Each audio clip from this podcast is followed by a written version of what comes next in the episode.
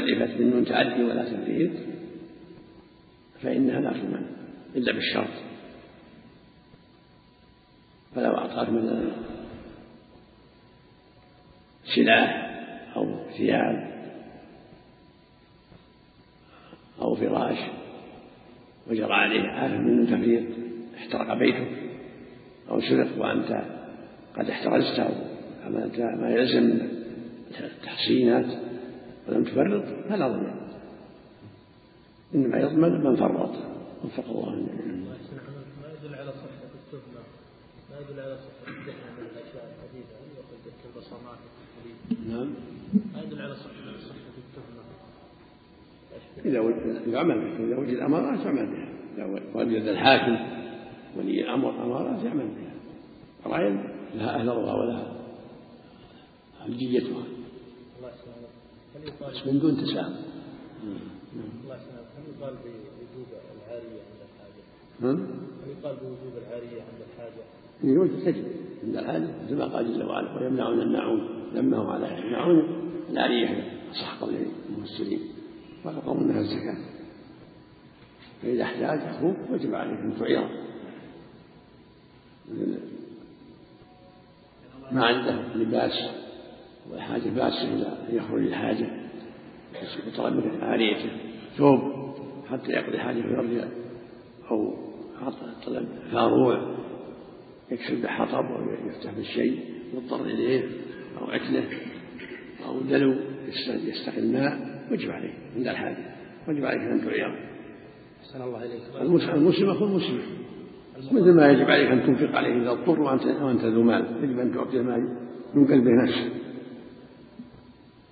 من الجوع أو من العطش أحسن الله إليك قوله تعالى ويثرون على أنفسهم ولو كان بهم خصاصة. هذا الإيثار فضل هذا فضل. ولو كان بهم يعني ولو كانوا ذوي حاجة.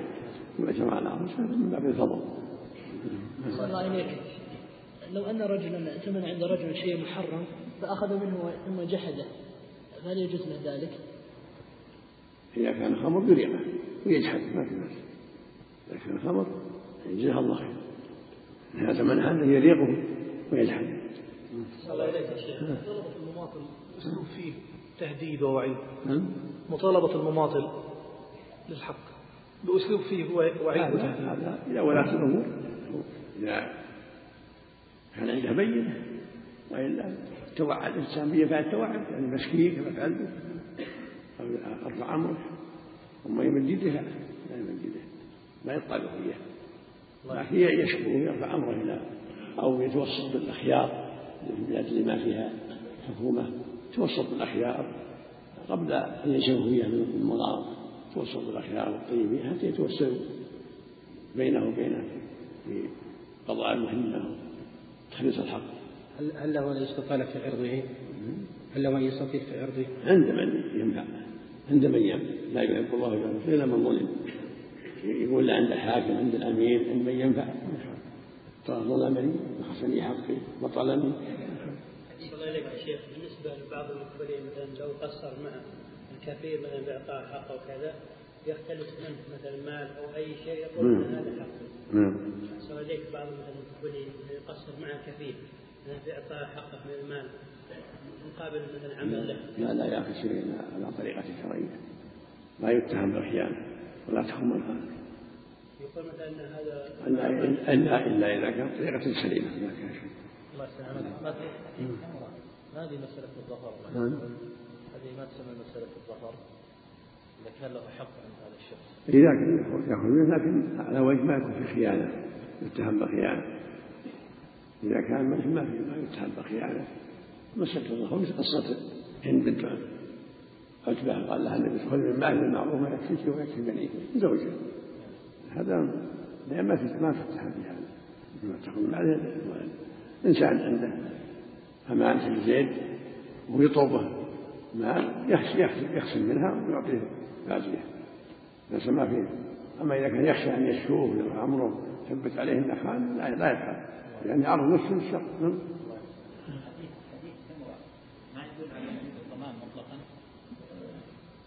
علينا حتى تؤدي هذا واجب لكن إذا لو لو تلف أنه تؤدي فقد أجمع المسلمون على أن ما يضمن الأمانة لأنه محسن لكن العالية الإماء ما دام موجود؟ يلزم أن يؤدي. العالية مضمونة بالشرط العالية الإماء وكذا تعم العالية وتعم الأمان تعم كل شيء. اليد ما أخذت تدعى يجب الأداء. لكن الكلام فيما إذا تلف الشيء بدون تفريغ عالية هذا هو محل محل. الأجير الخاص هل يضمن إذا كان يضمن الأمين معناه ساءت الحال بين الناس ما عاد أحد مثل بأحد ولو ما يضمن إلا بشرط الأصل أنها أمان. هذا الأصل. أحسن الله إليك. الأجر الخاص هل يضمن؟ الأجر الخاص. يضمن. يضمن إذا أتلف المادة مثلا السيارة السواق هل يضمن؟ هل يتعدى ولا الأمن؟ ما ما يضمن. إلا يتعدى. يعني صدم بالسيارة مثلا. إذا قلت عنه متعدي يضمن ثم كان متعدي متعدى عليه ما يضمن قال الحافظ ابن حجر رحمه الله تعالى باب الغسل عن سعيد بن زيد رضي الله عنه أن رسول الله صلى الله عليه وسلم قال من اقتطع شبرا من الأرض ظلما طوقه الله إياه يوم القيامة من سبع أراضين متفق عليه.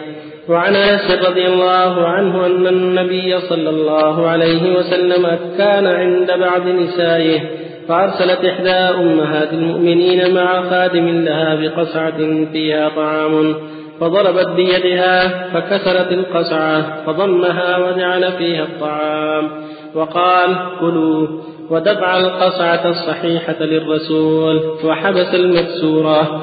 رواه البخاري والترمذي وسمى الضاربة عائشة وزاد فقال النبي صلى الله عليه وسلم طعام بطعام وإناء بإناء وصححه. وعن رافع بن خديج رضي الله عنه قال قال رسول الله صلى الله عليه وسلم من زرع في أرض قوم بغير إذنهم فليس له من الزرع شيء وله نفقته رواه أحمد والأربعة إلا النسائي وحسنه الترمذي ويقال إن البخاري ضعفه. وعن عروة بن الزبير رضي الله عنهما قال قال رجل من أصحاب رسول الله صلى الله عليه وسلم إن رجلين اختصما إلى رسول الله صلى الله عليه وسلم في أرض غرس أحدهما فيها نخلا والأرض للآخر. فقضى رسول الله صلى الله عليه وسلم باللوظ لصاحبها وأمر صاحب النخل أن يخرج نخله وقال ليس لعرق ظالم حق. رواه أبو داود وإسناده حسن. وآخره عند أصحاب السنن من رواية عروة عن سعيد بن زيد واختلف في وصله وإرساله وفي تعيين صحابيه. وعن أبي بكرة رضي الله عنه أن النبي صلى الله عليه وسلم قال في خطبته يوم النحر بمنى إن دماءكم وأموالكم عليكم حرام كحرمة يومكم هذا في شهركم هذا في بلدكم هذا متفق عليه. الحمد لله صلى الله وسلم على رسول الله وعلى آله وأصحابه ومن اهتدى أما بعد هذه الأحاديث كلها تتعلق بالغصب والغصب هو الظلم. والله حرم الظلم على عباده وحرمه على نفسه. قال جل وعلا إن الله لا يظلم مثقال ذرة. قال سبحانه وتعالى وما ربك بظلام للعبيد. وقال جل وعلا في الحديث القدسي يا عبادي إني حرمت الظلم على نفسي وجعلته بينكم محرما فلا تظالموا. رواه مسلم. فالواجب على كل مسلم أن يحذر الظلم في النفس والمال والعرض. يجب أن يحفظ لسانه وجوارحه من ظلم العباد في أنفسهم أو أموالهم أو أعراضهم.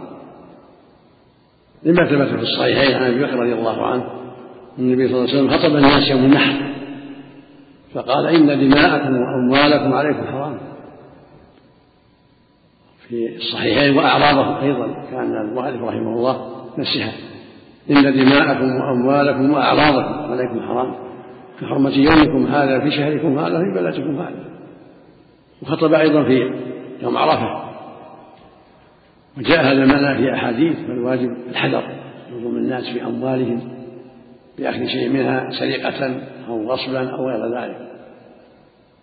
وكذلك النفوس بالضرب أو القتل أو الجرح وهكذا الأعراض من الغيبة. والشتم ونحو ذلك. ويقول صلى الله عليه وسلم من ظلم شبرا من الأرض طوقه الله إياه من سبع أراضين متفق على صحته. وهذا وعيد عظيم. تطوق يوم القيامة من سبع أراضين عقوبة عظيمة. وجاء هذا المعنى من حديث عائشة أيضا في الصحيحين. معنى حديث ليس بن سعيد بن زيد. وعند مسلم حديث أبي هريرة كلها تدل على من ظلم شيئا من الأرض طوقه يوم القيامة من سبع أراضين. وهي عقوبة عظيمة غير عقوبة النار الذي موعد بها الظالمين. فيجب على كل مسلم ومسلم الحذر من الظلم قليله وكثيره. ويقول صلى الله عليه وسلم اتقوا الظلم فإن الظلم ظلمات يوم القيامة. وفي حديث عائشة أن الحديث الثاني أن إحدى أمهات المؤمنين أهدت طعاما إلى النبي صلى الله عليه وسلم وهو في بيت عائشة. فغارت عائشة رضي الله عنها وضربت قصعة حتى انكسرت.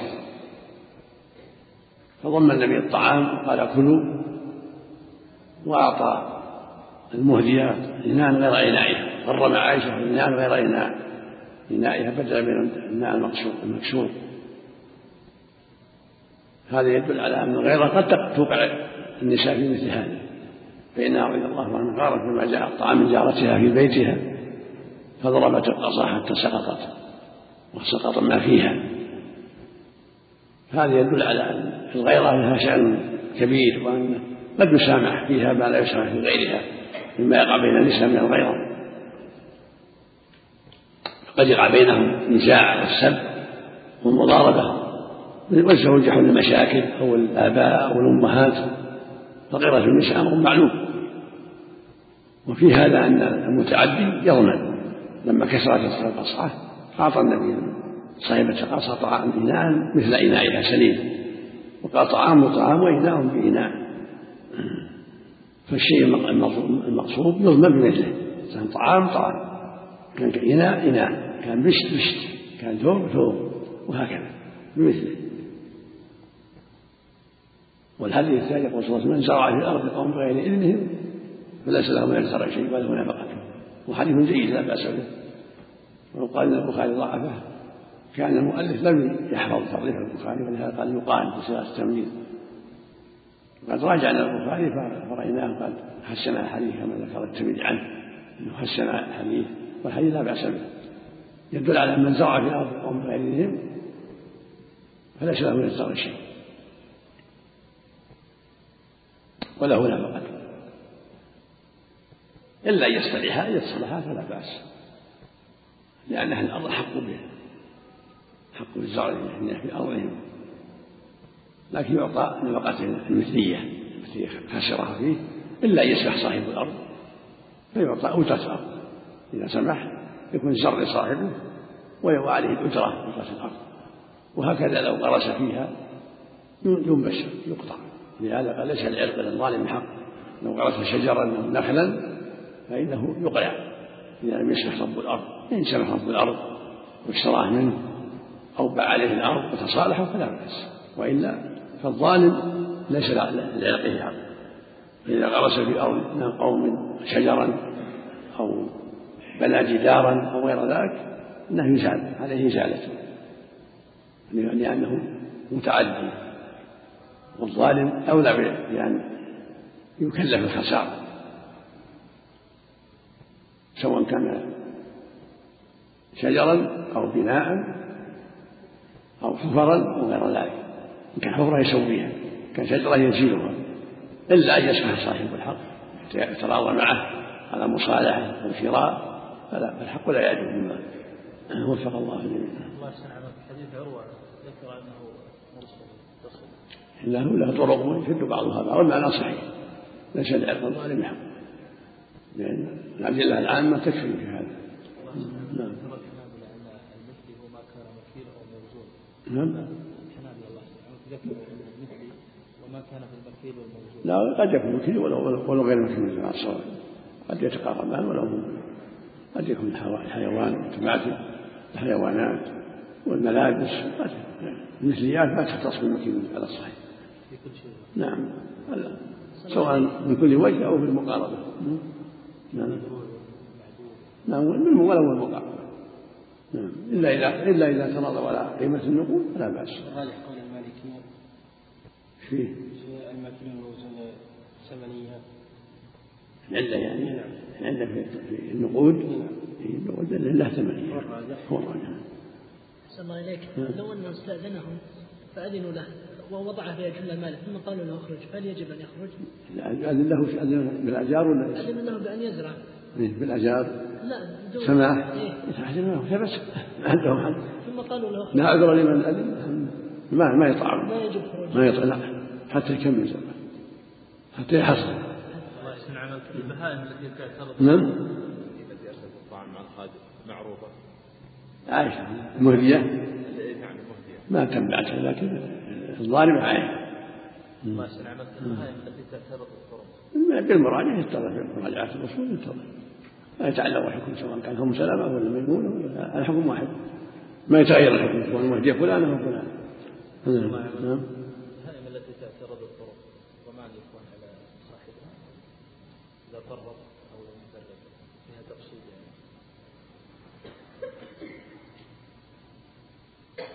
يعني الأصل أن الجائز يضمن هذا الأصل. الجائز يضمن عن بعيد ولا لكن لو قدر أن أن صاحبها فرط وجعلها في الطريق ما له لكن الغالب أنها يجعلها في البر ويشيل في الطرق. ولهذا صدر قرار مجلس القرى في هذا المنام لها شؤون مع المحاكم نعم. من أحد المصلين يقول السائل إذا قال شخص أنا خائف من فلان أو أنا أخاف من كذا أي شيء يضره؟ فهل يعتبر ذلك من صرف عبادة الخوف لغير الله تعالى؟ لا خوف لا. الخوف من ما ما يخاف منه. طبعا طبعا لا يضر قال الله جل وعلا في قصة موسى فخرج منها خائف يترقب. خائف منها فرعون. خرج من مصر. الخوف من الأعداء من المؤذيات من السراق. بأس لكن خوف يحمل على أخذ الأسباب يخاف أحد يأخذ بالأسباب يخرج من البلد يخاف منهم يخاف من الطريق يأخذ مع أخويا في الطريق يخاف من اللصوص يسك الباب يجعل حارس يأخذ بالأسباب الخوف الطبيعي والخوف من المؤذيات ليس من الشرك هذا خوف السر اللي يخاف فلان يعتقد في السر أن يتصرف الكون هذا شرك. ويعتقد في أن الحيوان الفلاني يتصرف. أو الولي الفلاني يتصرف هذا هو الشرك أما الخوف الطبيعي خوف السراء خوف العدو حتى يعد له السلاح خوف الحية أن تلدغه يبتعد عنها أو يقتلها هذا ما في شيء. مثل قصة موسى فخرج من خائف فترقب نعم. بالنسبة للمراهنة بين شخصين كيف أنها تكون يعني جائزة؟ هل من طرف واحد تصل إليك؟ لا قمار المراهنة قمار. إلا في المسابقة في الخف أو في الخيل أو بالرمي. أما المراهنة إن كان كذا فلك كذا وإن كان كذا كذا هذا قمار لا يصح هذا يسمون هذا يسمى قمار. ما هي مراهنة من طريق اثنين أو أكثر. المراهنة مأصولة من طريق اثنين فعلا المراهنة مفاعلة سمعنا اثنين.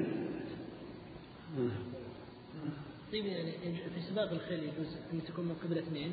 اثنين. أي فرس يعني أن يضع هذا المال وهذا المال. نعم. يقول السابق أنا وياك يحط واحد منهم ألف ولا يحط منهم ألف ولا ألفين والسابق يأخذ هذا الصواب لا بأس. حتى حتى يتمرنوا على الخيل وحتى يتمرن في ولهم أيضا أحسن الله إليك يعني أحيانا يكون مثلا يعني مثلا ما يكون في السباق مثلا يكون يقول هذا الكلام صحيح وإذا كان غير هذا أعطيك مثلا 500 ريال. هذا يسمى قمار ما يصح حتى وإن كان من قبل واحد يا شيخ. نعم. حتى وإن كان من قبل واحد. وش فيه؟ حتى وإن كان من قبل أحدهما من يعني واحد الذي يضع المال فقط. إيه. وإذا صار هذا الشيء صحيح لك المال. ها؟ إذا صار هذا الشيء صحيح لك المال. إيه. يعني هل هذا جائز؟ هذه هذه مسابقة ما يصح. إيه، ما يصح. سبب مسابقة يعني قد يخطئ قد يصيب قد يتحسن قد تقع هذه عندهم من المقام الكلام من المجادلات قد تقع هذا الشيء ثم يندم. أما إذا كان عمل تبنيها جدار تحملها الحفرة تفعل كذا كذا ما نعم. هذا هو المسائل. نعم. إلا إذا قال ابحث عن شيء ولا كذا ابحث وجمع الأدلة ولا كذا نعم. ما اجراه أو حفظ من القرآن لك كذا. أما إن كان كذا فكذا إن كان مسألة إن كان هذا حرام لك كذا وإن كان واجب لك كذا ما يصح